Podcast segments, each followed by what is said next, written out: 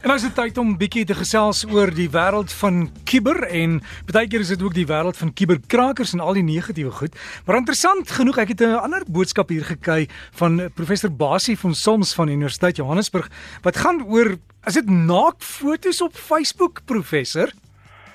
Ja, klink dit nie verskriklik nie, né? Oh. Ehm um, dis dit is nou nogal 'n interessante ontwikkeling. Uh want weet jy hoeveel foto, hoeveel e-posse kry ek van van luisteraars wat sê hoorie ek is baie bekommerd. Ek het nou in 'n oomblik van swakheid het ek nou hierdie vertroulike eksplisiete foto van my vir die ou gestuur of vir die vrou gestuur of vir die wat ook al.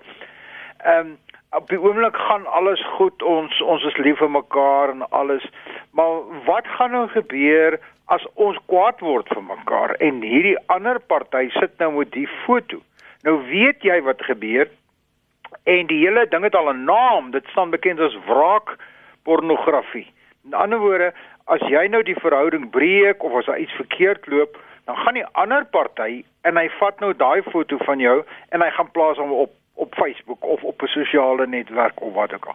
En en dit is nie asof dit nooit gebeur nie, dit gebeur elke dag. Mense huil trane daaroor. Nou wat het Facebook nou voorgestel? Dit klink eintlik verskriklik, maar wat Facebook nou sê is Wanneer jy nou hier in die middel van die nag wakker word en jy sê vir jouself maar hoorie ek moes nooit hierdie foto gestuur het nie. Wat gaan nou gebeur as die ander party kwaad word vir my soos wat ons nou gesê het? Dan sê Facebook wat jy nou doen. Stuur daai foto vir my. Dit sal natuurlik nou 'n eksplisiete foto foto wees. Stuur daai foto vir Facebook. Dan sê Facebook ons sit daai foto deur 'n rekenaar algoritme. In ander woorde, hy hy is nie meer 'n foto nie, hy is nou net 'n klomp 'n rekenaar nulle en ene. Niemand kan hom terugkry nie. Hy lê net daar. Dan stoor hulle nou daai, kom ons noem dit nou maar die vingerafdruk van die foto waaroor jy bekommerd is, stoor hulle nou iewers in Facebook. Nou daaroor hoef ons nie bekommerd te wees nie want al kraak iemand nou in daai deel van Facebook in, hy gaan nie jou foto terugkry nie want want hierdie is 'n is 'n ander weergawe van jou foto, 'n onbekende of 'n onherkenbare foto. Nou sê Facebook wat jy nou doen, wat hy nou doen is as hierdie ander vriendjie of vriendinnetjie van jou nou kwaad word en hy sê nou maar nou gaan ek hierdie foto van jou in op Facebook plaas iewers. Dan sê Facebook, ons sal nou seker maak dat enige foto wat iemand op Facebook wil plaas, gaan ons nou eers teen hierdie hele database van vingerafdrukke wat ons van die eienaar van die foto gekry het, deurloop. Nou veronderstel jy het jou foto gestuur vannag toe jy nou bekommerd geraak het en hy is nou daar en sy vingerafdruk lê nou by Facebook en hierdie ander vriendjie van jou raak kwaad en hy hy sê nou vir jou maar as jy nou nie vir my dit doen nie of soos wat gebeur as jy my nou nie soveel geld betaal nie dan plaas ek hierdie foto op Facebook. Dan sê jy vir hom nou maar dan kan jy nou rustig eintlik vir hom sê man as jy dit dan nou wil doen doen dit nou maar. Want Facebook verseker verseker jou nou dat as hierdie ou nou tot daai stap oorgaan en hy plaas daai foto op, gaan hulle eers kyk of daai foto nie in hulle kom ons sê hulle vingerafdruk database of hulle kom ons sê bekommerde eienaar database lê nie en as hy daar is dan gaan hulle uh, gaan hulle hom nie oplaai nie. Nou as natuurlik baie vrae. Die eerste ding wat 'n mens jou vra is hoe lank gaan daai foto daar lê? En nou dis nou nie jou foto wat in hulle bekommerde eienaar database lê nie. Dit is 'n onbekende ding uh, want wat hulle nou vat as daai ou nou kom met sy foto, dan sit hulle ook daai foto wat hy nou wil oplaai wat nou jou eksplisiete foto is, weer deur die rekenaar algoritme. Dan kry hulle dieselfde vingerafdruk as die een wat hulle van jou gekry het, want dit is dieselfde foto. En dan vergelyk hulle dit, dan sê hulle nee, hierdie foto is klaar deur 'n bekommerde eienaar vir ons half geswartlys, so ons gaan dit nie opsit nie.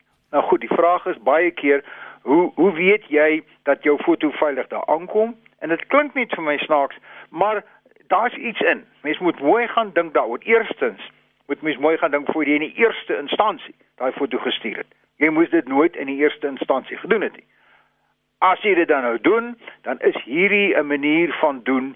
Dis net vir my, ek is net bekommerd dat dit 'n ongelooflike baie werk van Facebook se rekenaars gaan moet wees om elke foto wat nou opgelaai word nou eers deur hierdie bekommerde eienaar database te sit. Maar miskien is dit 'n stap in die regte rigting. Hm. So so hoe moet ons nou die fotos neem?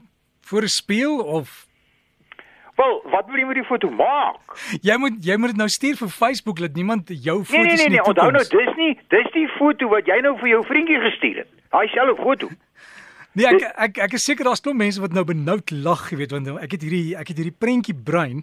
Ja. Maar ek verstaan, ja, dis dis die foto's wat jy weet al reeds bestaan wat jy dan net vir hulle sê kyk uit as die ding daar Kyk kom. uit as die ding Ja. by julle aankom. Dis al Ja. wat jy vir hulle sê. Ja. Ja, en dit gaan veilig wees, so daar gaan die kuberkrakers daar kan uitkom nie Nou, dat niks. nie. ons dat ons sê niks in die kuberruim is veilig nie. Ek ons het lankal gesê dis 'n illusie. So as jy daai eerste foto vir daai vriendjie van jou stuur of vriendinnetjie van jou stuur, dan moet jy al klaar jou kop laat lees het.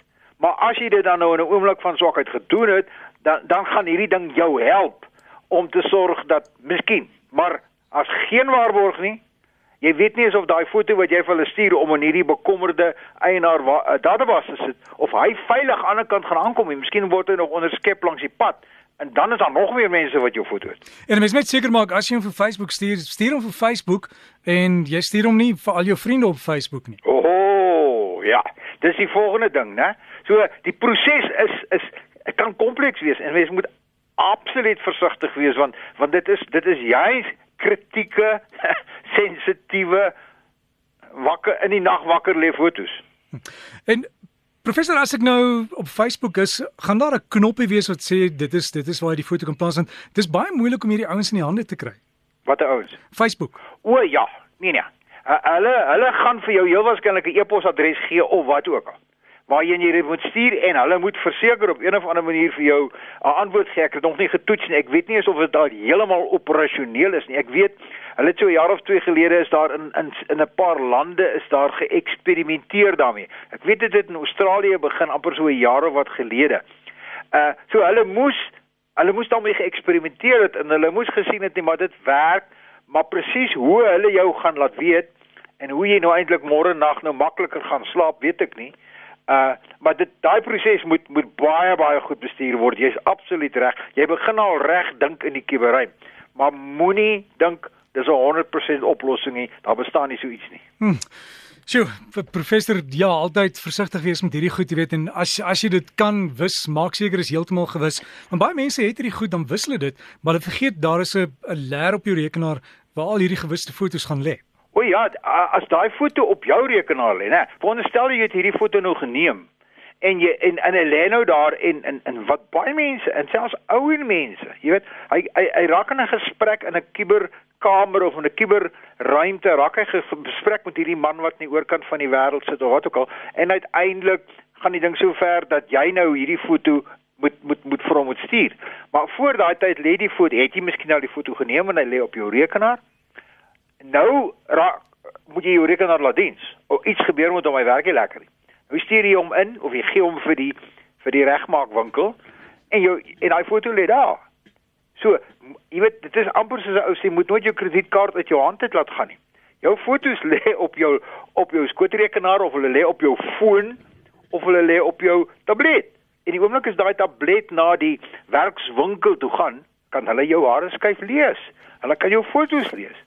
So wees baie versigtig en en gaan kyk maar na meganismes en daar's talle meganismes beskikbaar waarop jy jou fotos en jou sensitiewe inligting kan enkripteer. Jy jy jy maak jou eie vingerafdruk amper daarvan en jy sorg dat net jy daai foto kan sien met 'n spesifieke gegeewe wagwoord op jou eie rekenaar. Man, soveel mense en jy weet dit gebeur selfs met met goed soos fotokopieermasjiene. As 'n fotokopieermasjien het, het sy eie harde skyf.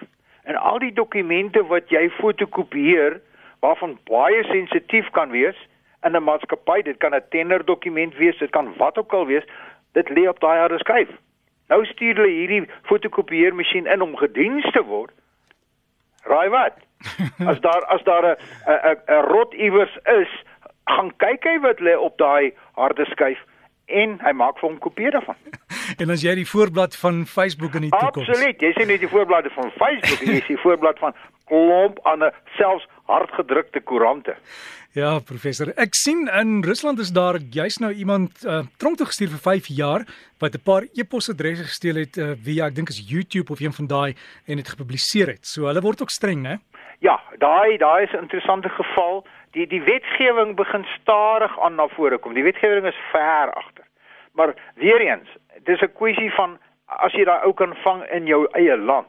En ons het hoeveel keer al gesê baie van hierdie goed omdat die internet en die kuberruim so so interkonnektief is, uh, kan die ou aan die ander kant van die wêreld sit. En dan al die identifiseer jy hom en weet jy hoeveel mense stuur vir my e-pos en sê hoorie ek kry hierdie dreigbriewe hierdie hierdie afdreigingsbriewe. Ek kry hierdie ding wat sê as ek nie onmiddellik hierdie bedrag betaal nie um, dan gaan hulle dit en dat en die ander doen hulle gaan my rekenaar enkripteer ek kan nie my data kry nie en so iets hoe kry ek die ou in die hande en ek sê vir jou dit is nie maklik nie as die ou in Suid-Afrika is en jy kan hom in die hande kry dan het ons wetgewing waarop jy die ou redelik in 'n blik kan druk. Jy kan hom so ver laat wegsluit dat sy ontbyt eers by hom kom teen middagete. Maar uh, as die ou nie in Suid-Afrika is nie, dan gaan jy al kry jy hom in die hande. Dan sê dit nog glad nie dat hy jou iets kan doen nie. Daar mag nie 'n uitruil ooreenkoms wees tussen die lande nie.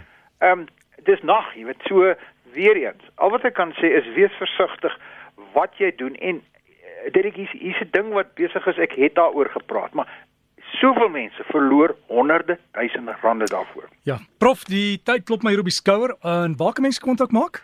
Uh my e-pos rsgbasie by gmail.com en gaan kyk baie van hierdie goed lê by op op die op die uh, webwerf van die uh, uh, um, Sentrum vir Kubersekuriteit van die Universiteit van Johannesburg www.cybersecurity.org www.rsg.za.